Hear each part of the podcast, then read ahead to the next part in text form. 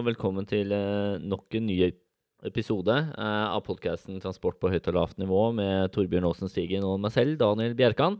Eh, vi sitter nok en gang i podkastrommet vårt og prøver å skape en ny episode som bidrar til både underholdning og litt, litt nye perspektiver, og forhåpentligvis litt fagkunnskap også. Ja.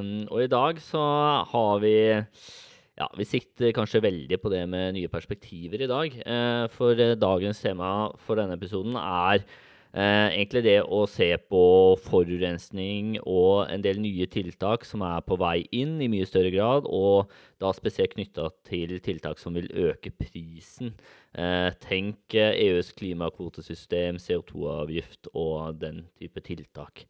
Uh, og det må jo nevnes at uh, dette her er uh, et tema som Torbjørn har for det første gjort researchen på denne episoden, men også, jeg vil påstå, er genuint interessert i sånn generelt. Ja, både og det. men ja, det, det, er interessant, det her. Det er ikke det med EUs klimakvotesystem som Daniel nevner, det er jo ikke akkurat noe nytt tiltak, og det er jo ikke egentlig hele CO2-avgiften. Men det vi har merka oss eh, siste åra, egentlig, men eh, kanskje merka og kommet litt mer i vinden nå siste månedene, er jo dette med strømprisene. For de har eh, Hvilken vei har de gått? De har jo gått rett opp. Og det er jo for så vidt to årsaker til at strømprisene har gått opp. Eh, for det første så er jo magasinene i Norge eh, mye lavere enn vanlig, og det påvirker jo strømprisene. Men en annen ting er jo eh, at eh, prisene på kontinentet, som man sier, er blitt eh, mye, mye høyere. Og Sør-Norge, som er en større del av det, er større integrert med de kontinentale markedet, merker også da dette mye større grad enn andre deler av landet. Um, og det som har vært med på å forklare de høye prisene i Europa, i hvert fall en del av det, det er jo at eh, prisene på klimagassutslipp har gått kraftig opp. Og uh, det har egentlig skjedd i veldig stor grad siden 2018. Så vi tenkte vi skulle ta en liten Det er jo en villet politikk fra EU og fra Norge òg, for så vidt. Så det er jo en konsekvens av det grønne skiftet vi, vi står ovenfor. Så nå skal vi ta en liten runde på hva er det som er med på å drive prisene på eh, utslipp, og deretter hvordan påvirker det transport, transportsektoren, da. Ja, for det er jo egentlig de, de, store temaene og begrepene her, det er jo noe som ikke bare gjelder transport. Eh, men det er klart at eh, de endringene vi eh, tror vi står ovenfor, da, for å uttale meg på den måten, er, vil jo påvirke transporten eh, Ja, ikke lite, kan vi vel i hvert fall si, da. Eh, og vi prøver jo da å ta opp litt hvilke trender vi tror da, eh, vi kan forvente. Ja.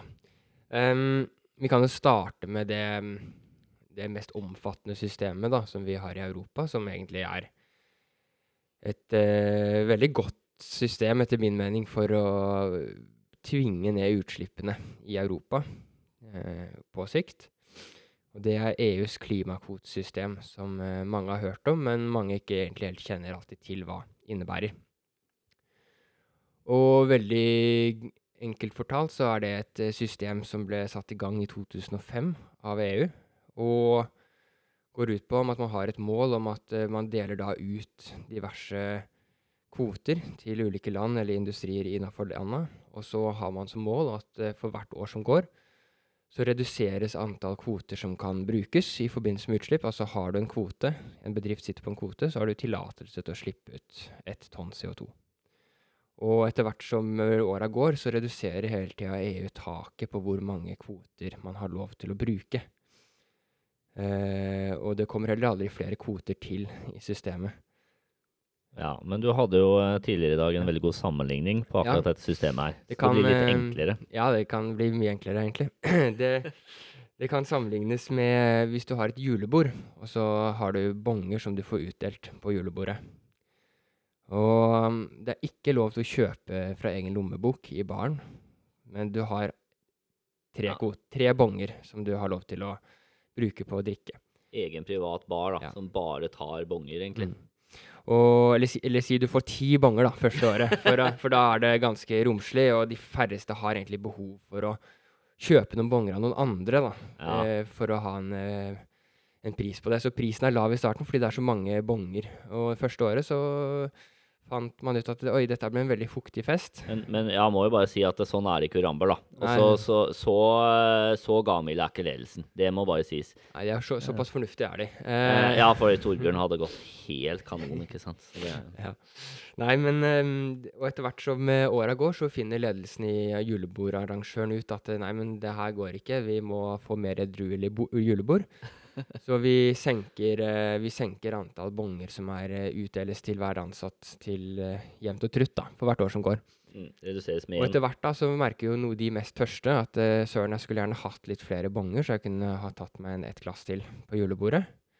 Og da begynner de å bli villige til å handle med de andre som ikke er så villige. mm.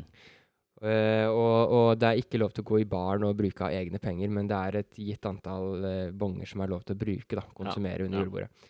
Og det er samme system på en måte som eh, EU har, da. At du over tid så reduseres antall bonger på julebordet, og, eller CO2-bonger, da. Og prisen uh, de ulike landene eller bedriftene i systemet må betale mellom seg, det går opp på sikt. Når Ja, det begynner å bli trangt. Ja, for det blir jo færre bonger.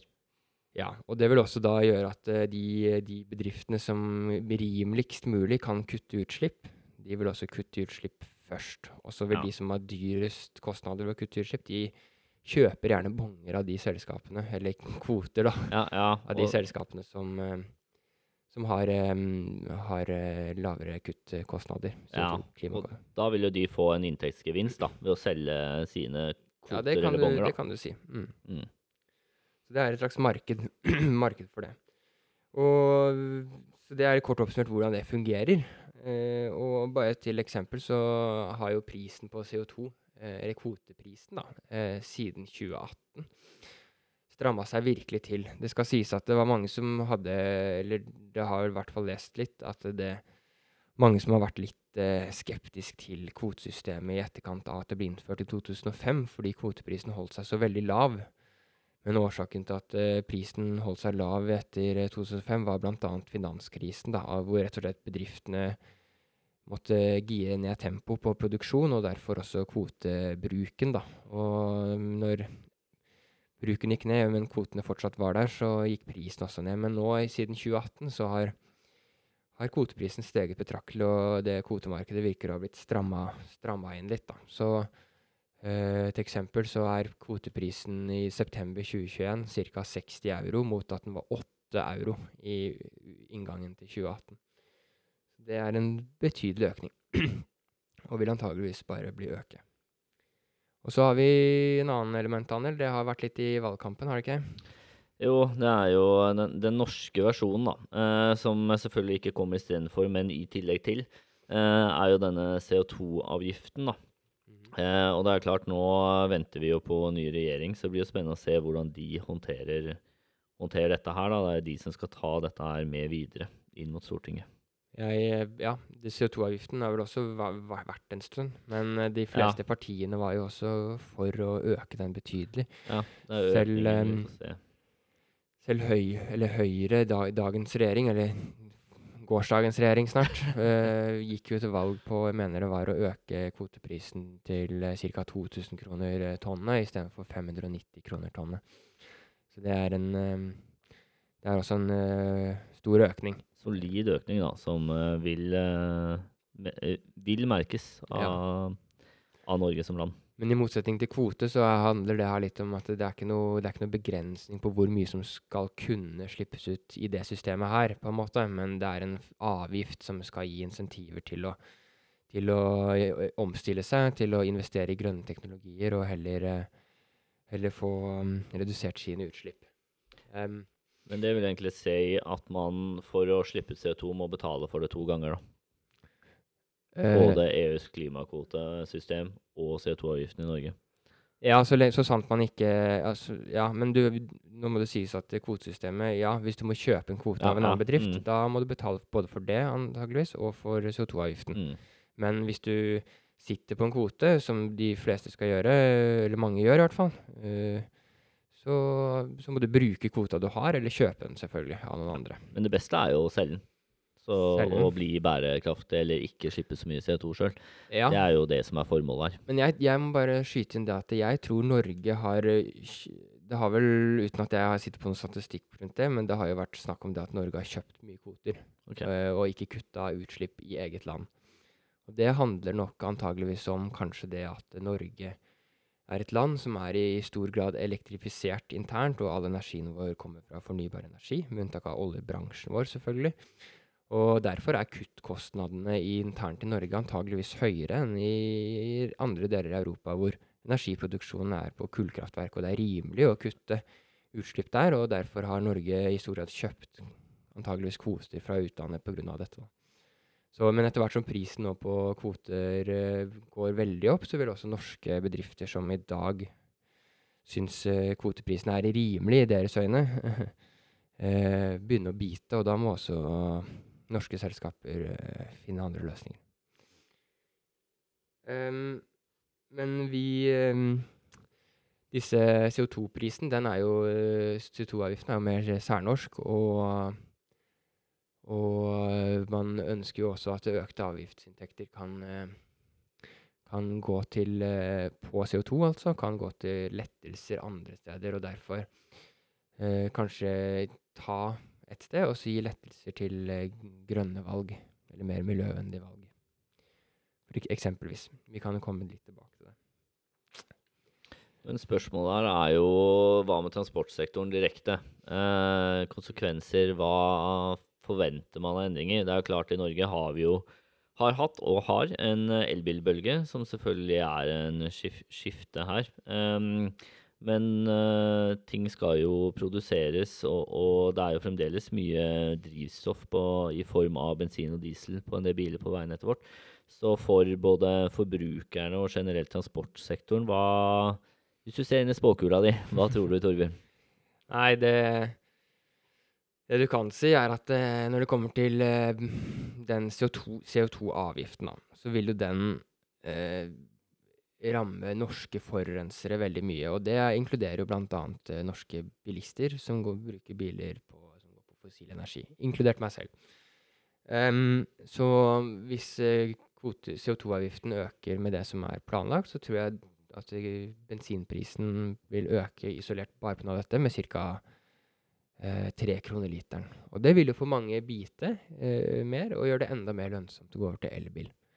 Så det kan jo akselerere den, eh, den utviklinga. Men det vil jo kanskje også gjøre det mer lønnsomt å bruke beina og sykkelen også?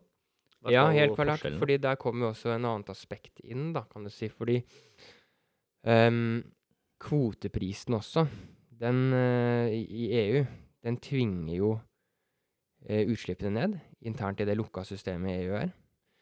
Uh, og det akselererer jo også etterspørselen etter fornybar energi. Ikke bare vanlig energi, men fornybar energi. Og eh, en elektrisitet som blir produsert av kullkraftverk f.eks., de må jo betale høyere priser pga. høyere kvotepris. Og det veltes nok eh, delvis over på forbrukerne, og det er sikkert en del av årsaken til høye strømpriser i dag. Så den kvoteprisen og alle disse tingene her drar jo også opp prisene på energi generelt, og eh, fornybar energi, eller elektrisitet, er jo en konkurrerende energikilde til fossil energi òg, som blir dyrere av disse tiltakene. Og, og da, får du, da får du et pressa marked også på strøm, eller elektrisitet. Og, og elbil, elbilister må jo da også egentlig betale mer enn i dag. Men likevel så vil jo konkurranseforholdet mellom fossil og eh, fossile biler f.eks. og elbiler være i favør elbiler fortsatt, da. Men, eh, det, men det er jo klart at eh, hvis det blir for høye energipriser med, strøm òg, så vil jo det på en måte eh, kunne svekke konkurranseflaten litt mot fossil òg, hvis det blir altfor dyrt med elbiler òg. Ja, Og da er jo beina selvfølgelig alltid det beste alternativet. det beste. Eller vanlig sykkel Eh. som ikke må lades.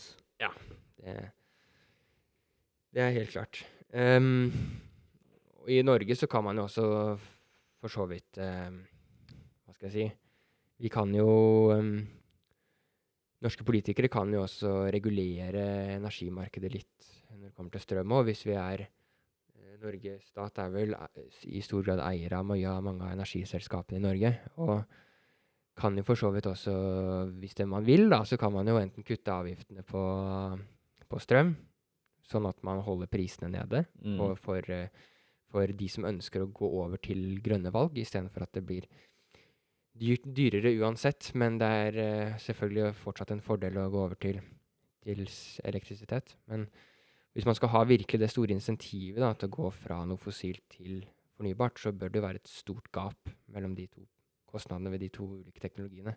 Ja, da hvis svir det jo økonomisk. Hvis alt hak, hopper bare ett hakk, men eh, differansen mellom de to ikke blir nødvendigvis noe mye større, så, så er det ikke sikkert at eh, man kommer så mye lenger der. Men man, eh, som hvis politikerne ønsker, så kan de også øke gapet da, mellom fossil og elektrisitet. Investeringer. så um, har du noen tanker å gi spåkula di, Daniel? Eh, veld, veldig liten spåkule. Jeg vedkjenner meg at eh, dette her kan du mye mer om eh, enn meg, eh, som egentlig gjelder veldig mange temaer, Torbjørn. Eh, Nei, det men det er klart at når det gjelder strøm, det er mye prat om det rundt omkring, og også på kontoret her. Um, og jeg har vel lest meg til det at det er en greie med salg av strøm til utlandet. At det er noe som er litt sånn hot topic nå om dagen. Mm. Eh, og at eh, det er noe mer konkurranse som også er med å dra sømprisene opp. Mm. Og at det er også noe som kommer i tillegg til alt det du har vært innom her, da. Ja, for, for norske forbrukere så er det klart at hadde det vært en eh, egen lukka boks eh, som ikke hadde noe Norge produserer vel i hvert fall sånn som det er i dag. Vet, nå vet ikke jeg hvordan det blir hvis all, alle biler i Norge skulle gå på elektrisitet og sånn, om vi produserer fortsatt av nok fornybar energi i dag. Men eh, i hvert fall sånn som situasjonen er nå, så produserer er jo Norge selvforsynt med energi, så vidt jeg har hørt. Um, men når vi kobler oss på det europeiske markedet, som vi har gjort gjennom en ny strømkabel til Tyskland, som ble åpna for ikke lenge siden, så, så er jo det med på å presse opp um, at vi kan eksportere strøm da, til utlandet. Og Tyskland er vel et av de eh, landene som i seg sjøl mest sannsynlig da, kan trenge en del strøm fra Norge framover. Eh, for de har gjort et vedtak om å legge ned alle sine atomkraftverk. Eh, og det siste ryker vel nå ganske snart, i form av måneder som tidsperspektiv.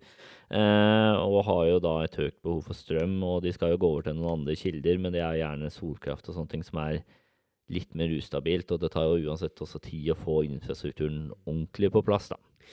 Men eh, det er helt klart at eh, det å ha et, et Hvis alt skal gå på fornybar energi eh, fremover, eh, og det skal det jo, så, så er vi jo helt avhengig av at eh, markedet er stort. Altså at vi er kobla til Europa. For eh, Eller vi er jo I Norge er vi jo ganske privilegert med vannkraft, da, som kan reguleres når vi skal bruke den, gjennom demninger og sånn. Men i resten av Europa, som er avhengig av vind og sol, i stor grad, så, så kan man jo ikke helt bestemme. Da må man ha gode teknologier for å lagre den energien, da, sånn at man kan bruke når ikke det er sol, eller når det ikke blåser.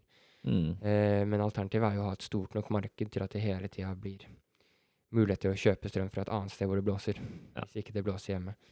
Så, og, og Norge som en, forhåpentligvis en eh, økende eksportnasjon av fornybar energi, eh, eh, som én av eh, forhåpentligvis veldig mange nye eh, næringer vi skal leve av, så, så er det jo viktig at vi, eh, vi kobler oss på markedet.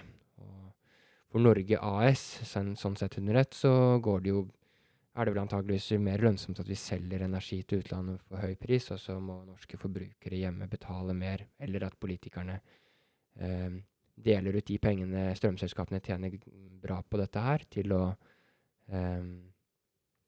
tilbake til norske, norske befolkningen. Mm. Så um, alt under ett. En, eh, Norge som energinasjon er jo, et, er jo lever jo i utgangspunktet godt av uh, høye energipriser, men vi, uh, vi, når forbrukerne må betale for det, sånn som det virker akkurat nå, før det eventuelt kommer noen alternative løsninger på bordet, så, så merker jo vanlige folk det, også her i Lutherans. Men ehm, jeg ser at denne episoden nærmer seg slutten, så fra strøm og tilbake til selve transportbildet. Eh, for å oppsummere, Torbjørn, og inn i spåkula, hva, hvor, hvordan blir ting fremover på eh, 90 sekunder? Jeg tror eh, at eh, energi generelt blir dyrere, fordi vi, vi, har, vi produserer i dag masse energi, men vi har bestemt oss for å kutte eh, bruken av energi eh, på fossil, eh, og skal da erstatte det med noe annet. Og det vil øke en slags trengsel, eh, en, en knapphet på energi, som vi ikke i like stor grad har hatt før. Og all transport er jo i utgangspunktet bare går jo på energi, og da vil også kostnadene ved transport øke. Det er min, eh, min, min tanke Um, fremover. ja. Så enten kjøp deg nye sko eller eh, sykkel som ikke går på strøm. Er vel kanskje i hvert fall gode råd. Ja, Får håpe ikke matprisen øker like mye, da. det blir dyrt å frakte mat til butikken Ja. Ja. Det, det er en spennende tid i møte. Vi får uh, krysse fingra for at uh, vi kan styre skuta godt gjennom. Og Takk det for oss. Og med det så takker vi for at du har lytta til episoden vår. Uh, håper du har uh, plukka med deg noe, noe fornuftig. Og ønsker deg en strålende dag videre.